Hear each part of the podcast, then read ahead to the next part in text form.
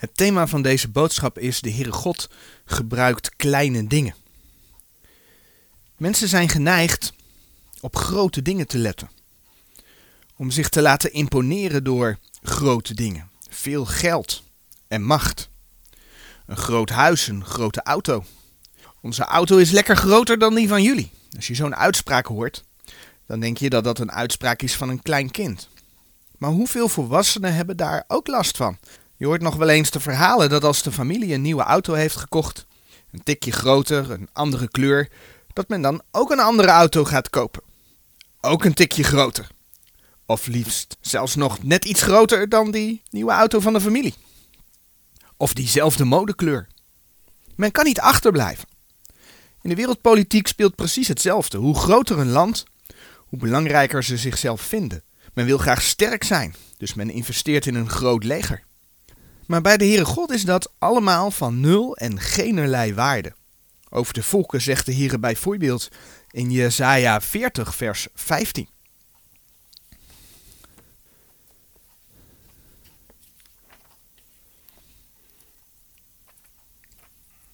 Jesaja 40 vers 15. Zie de volken zijn geacht als een druppel van een emmer en als een stofje van de weegschaal. Zie, hij werpt de eilanden heen als dun stof. En vers 17 zegt nog: Alle volken zijn als niets voor hem. En zij worden bij hem geacht minder dan niet en ijdelheid. Voor de Heere God maakt het niet uit hoe groot iets is. Hij staat overal boven. Hij hoeft maar te blazen en ze zijn er niet meer. Kijk maar in Jesaja 40 vers 24. En dan lezen we in vers 26 van Jesaja 40 nog: Heft uw hoofden op omhoog en ziet wie deze dingen geschapen heeft. Die in getal hun Heer voortbrengt, die ze alle bij name roept, vanwege de grootheid zijner krachten en omdat hij sterk van vermogen is. Er wordt er niet één gemist. Het mooie is dat de Heere God in zijn woord laat zien dat hij juist op het kleine ziet. En daar komt bij dat hij alles ziet. We lazen in Jesaja 40 vers 26 al, die ze alle bij name roept. Alle, die ze alle bij name roept. Laten we kijken wat we in Psalm 50, Psalm 50 vers 10 en 11 vinden.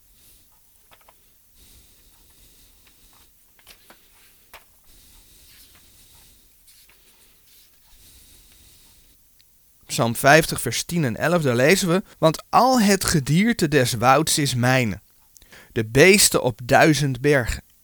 Ik ken al het gevogelte der bergen, en het wilte des velds is bij mij. De Heere zegt dat hij ze alle kent. Zo zei de Heer Jezus in Matthäus 10, vers 29, dat er niet één musje op de aarde valt, of de Vader weet ervan. De Heer ziet niet alleen de beren, de herten, de musjes, maar hij ziet ook de mieren. In Spreuken 30, vers 24 en 25.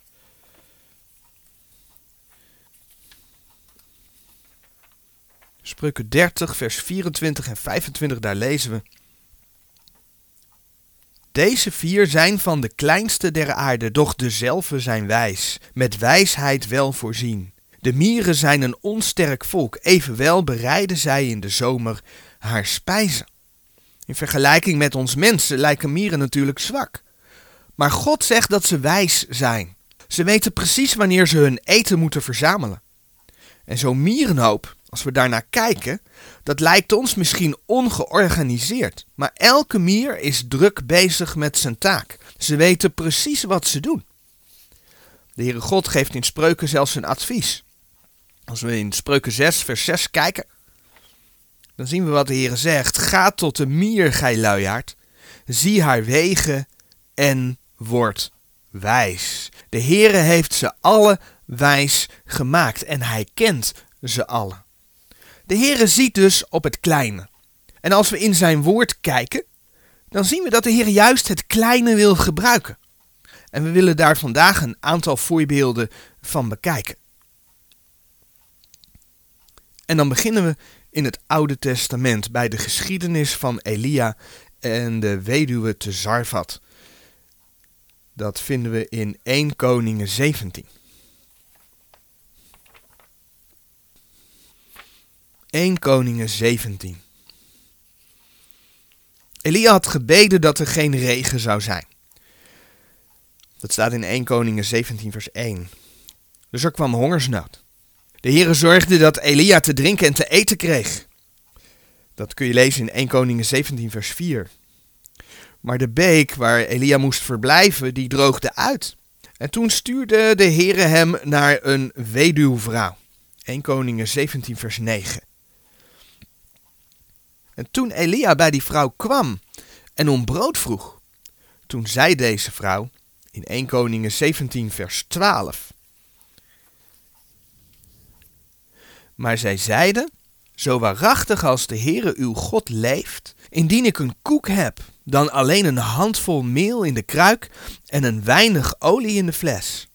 En zie, ik heb een paar houten gelezen, en ik ga heen en zal het voor mij en voor mijn zoon bereiden, dat wij het eten en sterven. Zij had nog maar een handvol meel en een weinig olie. Dus een klein beetje meel en een klein beetje olie. Voor mensen is dat een uitzichtloze situatie. Het vooruitzicht dat je geen eten meer hebt. En zo reageerde deze vrouw dan ook. In deze geschiedenis bewijst de Heere zich juist door het kleine. Als het zijn wil is dat er eten is en dat mensen door kunnen gaan, dan zorgt hij dat er eten is. Kijk maar in 1 Koningen 17 vers 13 en 14 wat Elia dan tot haar zegt. En Elia zeide tot haar, vrees niet, ga heen, doe naar uw woord, maar maak mij voor eerst een kleine koek daarvan en breng die mij hier uit. Doch voor u en uw zoon zult gij daarna wat maken. Want zo zegt de Heere, de God Israëls, het meel van de kruik zal niet verteerd worden, en de olie der fles zal niet ontbreken, tot op de dag dat de Heere regen op de aardbodem geven zal.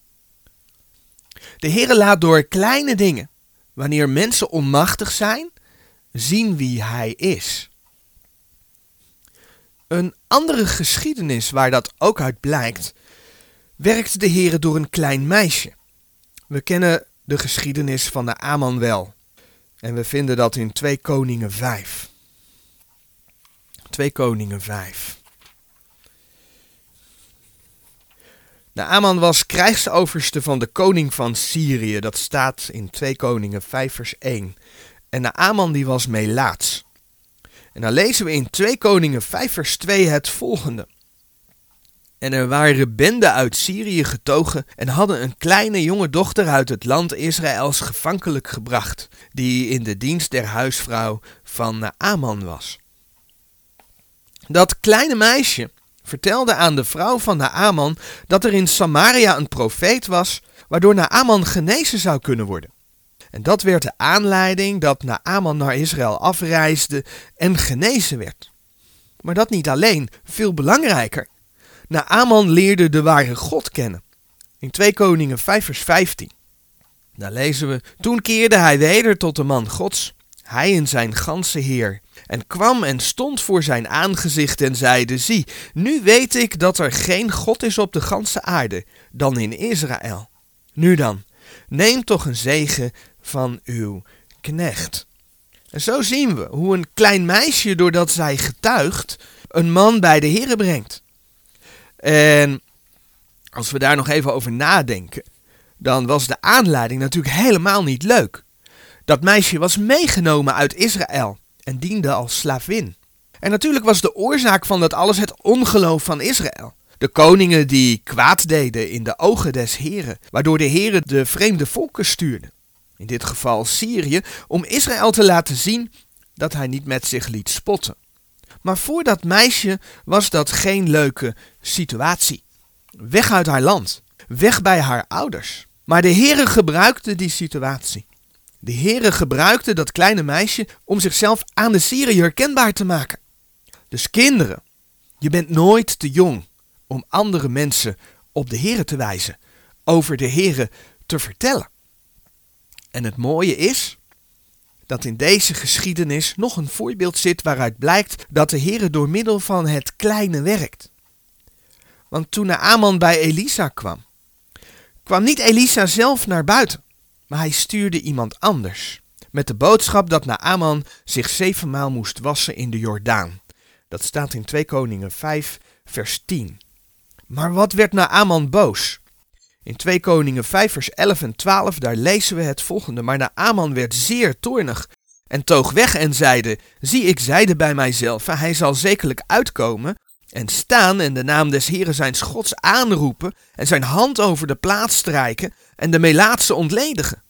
Zijn niet Abana en Farpar, de rivieren van Damascus, beter dan alle wateren van Israël? Zou ik mij in die niet kunnen wassen en rein worden?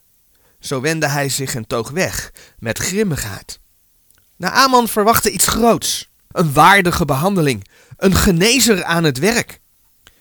Het is dankzij zijn knechten dat hij uiteindelijk toch genezen werd en de Heere leerde kennen.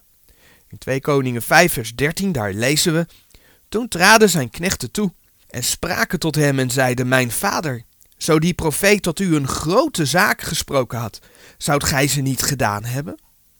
Hoeveel te meer, naardien hij tot u gezegd heeft, was u, en gij zult rein zijn. En zo eenvoudig was het. Naaman waste zich zevenmaal en werd genezen. En nog belangrijker, hij kwam tot geloof. Naaman verwachtte iets groots. Het enige wat hij moest doen was simpel geloven en zich aan Gods woord houden. Maar zo is het ook vandaag de dag. Mensen willen iets groots zien iets spectaculairs. Maar de boodschap van het evangelie der genade Gods is eenvoudig. Het behoud is niet uit te werken. Kijk maar in Titus 3, vers 5. De schrift zegt: Want met het hart gelooft men ter rechtvaardigheid en met de mond beleidt men ter zaligheid. Dat is Romeinen 10, vers 10. Zo eenvoudig is het. Met het hart geloven en met de mond beleiden. Maar even zo goed geldt dat voor de wederomgeborenen in het dagelijks leven. Als je de Heere volgt door simpel gehoorzaamheid aan zijn woord, dan kan hij zegenen. Sterker nog, dan zegent hij. In Spreuken 16, vers 20 lezen we.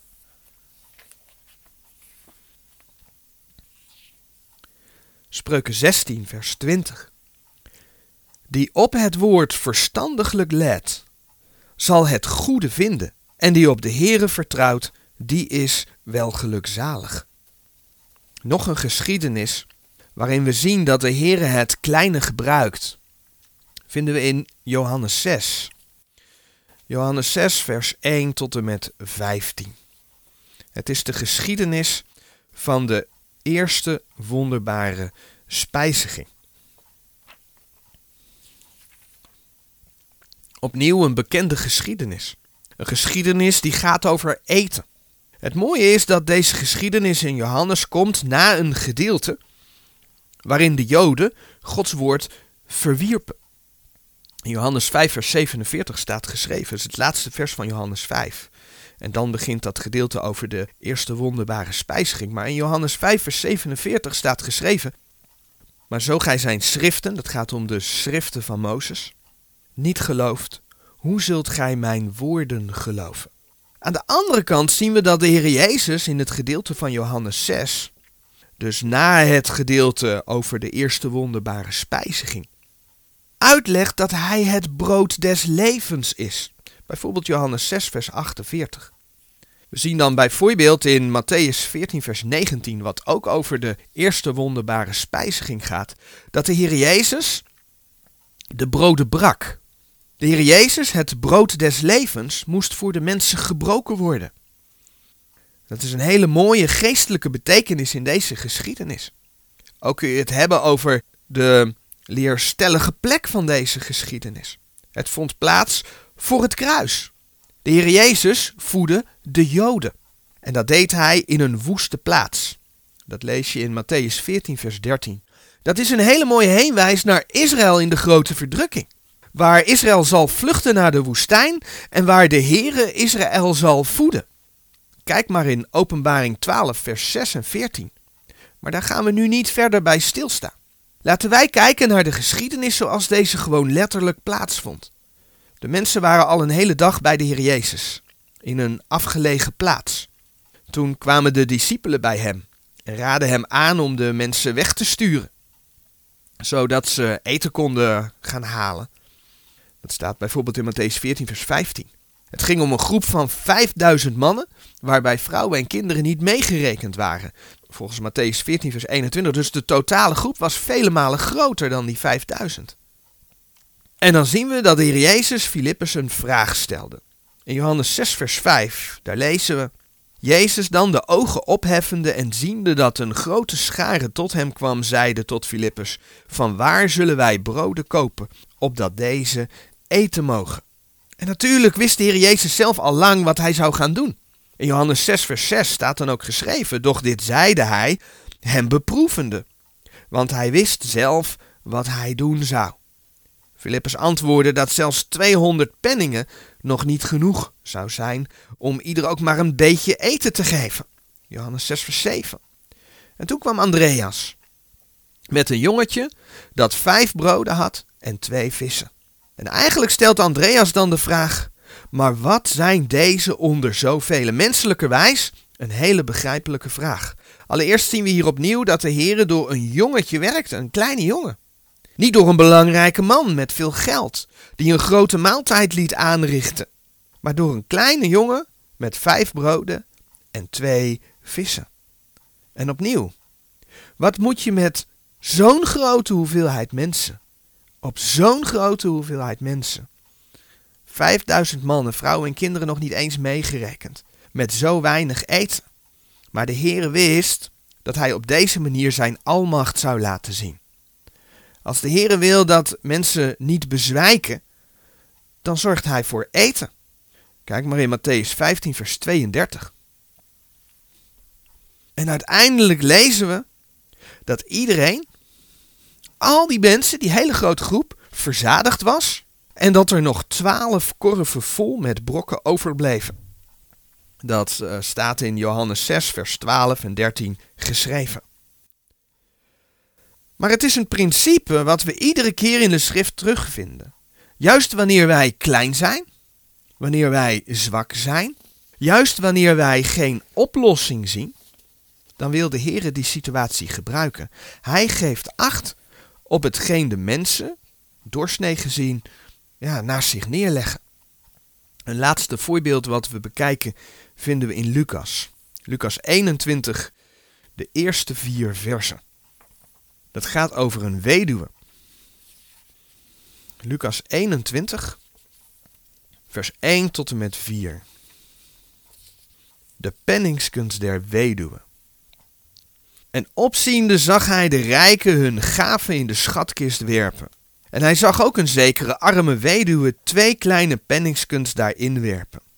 En hij zeide, Waarlijk, ik zeg u, dat deze arme weduwe meer dan allen heeft ingeworpen. Want die allen hebben van hun overvloed geworpen tot de gave gods. Maar deze heeft van haar gebrek al de leeftochten die zij had, daarin geworpen. Hier wordt rijk en arm met elkaar vergeleken. Mensen zijn geneigd te kijken naar het grote geld. Het grote geld van de rijke mensen. En als ze geld geven aan een goed doel, dan vindt men dat geweldig. Kijk naar Bill Gates in deze tijd. De meeste mensen vinden dat een geweldige man, omdat hij zijn miljarden inzet om de wereld te redden. Dat die man ook andere bedoelingen kan hebben. Achterliggende bedoelingen. Daar willen de meeste mensen niet eens bij stilstaan. Daar willen ze niet over nadenken. Maar als de rijke veel geld geeft, en morgen weer. En natuurlijk zijn er ook rijken die met goede bedoelingen veel geld geven. Laten we dat, even, uh, laten we dat ook even noemen.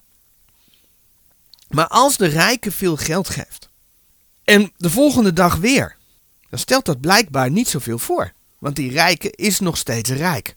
Want hij kan het iedere keer weer doen. En zo geldt het ook bij het geven voor de heren. En er zullen zeker rijken zijn die de Heer kennen.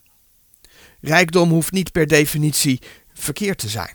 In 1 Timotheus 6, vers 17 tot en met 19, daar vinden we het volgende. 1 Timotheus 6, vers 17 tot en met 19. Beveel de rijken in deze tegenwoordige wereld dat zij niet hoogmoedig zijn, noch hun hoop stellen op de ongestadigheid des rijkdoms, maar op de levende God die ons alle dingen rijkelijk verleent om te genieten. Dat zij weldadig zijn, rijk worden in de goede werken, gaarne mededelende zijn en gemeenzaam. Leggende voor zichzelf weg tot een schat, een goed fundament tegen het toekomende, opdat zij het eeuwige leven verkrijgen mogen. Hier is dus zelfs sprake van genieten. Genieten van de rijkdom. Maar de Heer zegt niet voor niets tegen de rijken dat ze niet hoogmoedig moeten zijn. Dat ze niet hun hoop moeten stellen op hun geld. Er is dus een reëel gevaar. De Bijbel waarschuwt dan ook niet voor niets tegen rijkdom. De Heer Jezus maakt bijvoorbeeld een opmerking over een kameel die makkelijker door het oog van een naald gaat dan dat een rijke het koninkrijk Gods ingaat. Dat staat in Matthäus 19, vers 24. Maar ook in het gedeelte van 1 Timotheus 6 zou je naar vers 9 kunnen kijken. In vers 9 van 1 Timotheus 6 staat: Doch die rijk willen worden, vallen in verzoeking en in de strik, en in vele dwaze en schadelijke begeerlijkheden, welke de mensen doen verzinken in verderf en ondergang. Nou, daar staat nogal wat. Daarom krijgen de rijken dus de opdracht om hun geld te gebruiken voor een schat in de eeuwigheid. Dan gaat het dus om het doen van goede werken voor loon en kroon. Maar kijk wat de Heere bij die arme weduwe zegt. Deze heeft van haar gebrek al de leeftocht die zij had daarin geworpen. Deze vrouw gaf in vergelijking met de rijken zo weinig. En, dat is waar het nu even om gaat, de Heere zag dat. De Heere zag wat zij deed. En hij zag dat deze vrouw wat zij gaf, met haar hele hart gaf. Ze had niet meer. Het was haar hele leeftocht. Zij gaf weinig, maar dat was juist zoveel. En de Heere zag het. En vandaag de dag mag je zeggen, en de Heere ziet het. Kort geleden stonden we stil bij het thema Wanneer ben je bereid? We zagen toen onder andere de redenen die Mozes aanhaalde om maar niet voor de Heere te hoeven spreken. Mozes vond het ook moeilijk om te spreken en daarom koos de Heer hem juist uit. Maar dat geldt ook vandaag de dag. Mensen, misschien denk je van jezelf wel, wat kan ik nu bijdragen in het werk van de Heer? Ik ben niet rijk, ik heb weinig om uit te delen. Misschien vind je van jezelf wel dat je weinig kunt. Maar denk aan het feit dat de Heer juist de kleine dingen ziet. En dat hij juist die kleine dingen wil gebruiken. Hij kon met een klein beetje brood en vis meer dan 5000 mensen voeden. Hij had een klein beetje olie genoeg om Elia en de weduwe te helpen. Hij gebruikt zelfs kleine kinderen om zijn woord en zijn bekendheid in zijn wereld te laten zien. En al ben je misschien niet spraakzaam, toch mag je dingen over de Heere God vertellen aan andere mensen. Mensen die je tegenkomt. Je mag erom bidden. Je mag de Heere vragen om een geopende deur. En weet je waar het om gaat? Het gaat erom dat je doorkrijgt dat het niet om eigen kracht gaat. In de kerkgeschiedenis was er één periode waarin er weer een wereldwijde opwekking plaatsvond. Dit was na de Reformatie, nadat Gods bewaarde woord ter beschikking kwam, wijd verspreid werd en geloofd werd. In de Bijbel wordt deze periode profetisch weergegeven door de brief aan Philadelphia in Openbaring 3, vers 7 tot en met 13. En kijk wat de Heere de gemeente zegt in Openbaring 3, vers 8. Openbaring 3, vers 8.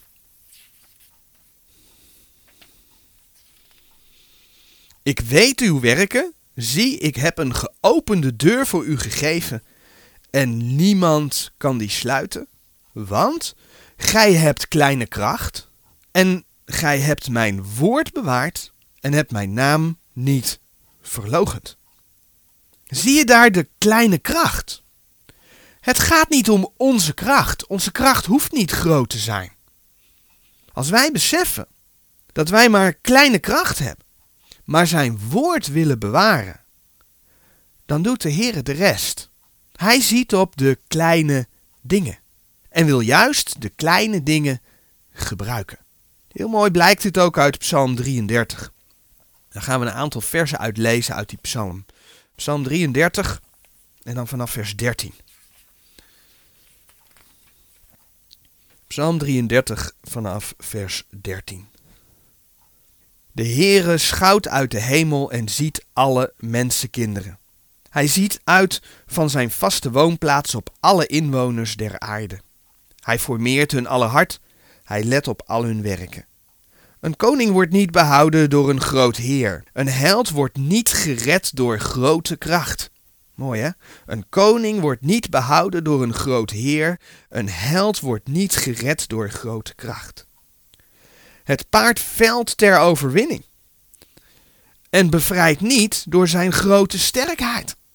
Opnieuw, het gaat niet om het grote, het gaat niet om de grote sterkte, het gaat niet om de grote kracht. Vers 18. Zie des Heren oog is over degene die hem vrezen, op degene die op zijn goede tierenheid hopen. Om hun ziel van de dood te redden en om hen bij het leven te houden in de honger. Onze ziel verbijt de Heren, onze ziel verwacht de Heren. Hij is onze hulp en ons schild. Als we naar de grote wereld om ons heen kijken, die met donderend geraas, met grote macht en geweld over iedereen heen rolt, dan hoeven wij niet bang te zijn. Blijkbaar laat de Heer het toe. En als hij het niet meer wil, dan hoeft hij maar te blazen. We zagen het in Jesaja 40 vers 24. Tegenover dat grote wereldse geweld zijn wij maar klein. Maar de Heere ziet het kleine. Je mag de Heere verwachten. En dan mag je weten dat Hij je hulp en schild is. En als we dan beseffen dat de Heere zo op het kleine let, zijn we dan ook tevreden met het kleine? Zo lezen we bijvoorbeeld in 1 Timotheus 6, het gedeelte waar we net al een paar versen gelezen hebben. 1 Timotheus 6.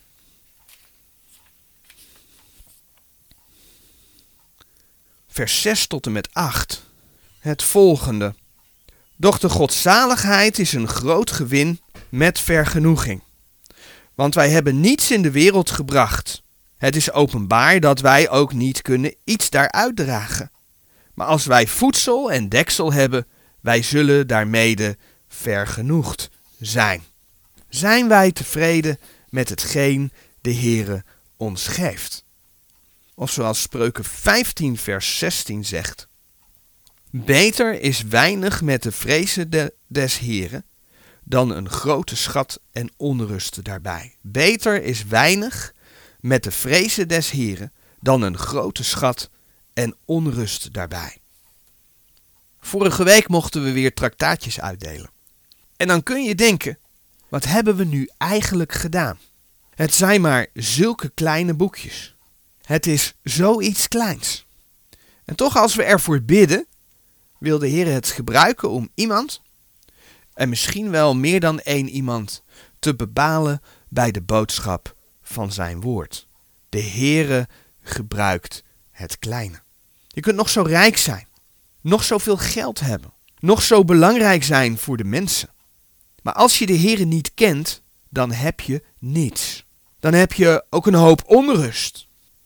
Of als je de Heere kent, maar toch kiest voor de wereldgelijkvormigheid, dan zul je ook zijn vrede niet kunnen ervaren. Dan zal het je onrust bezorgen. En daarom, beter is weinig met de vrezen des Heren dan een grote schat en onrust daarbij. Of om Psalm 33 nog een keer te herhalen. Psalm 33 vers 18. Zie des Heren oog is over degene die hem vrezen op degene die op zijn goede tierenheid hopen. En vers 20. Onze ziel verbijt de Heer, onze ziel verwacht de Heer. Hij is onze hulp en ons schild. Amen.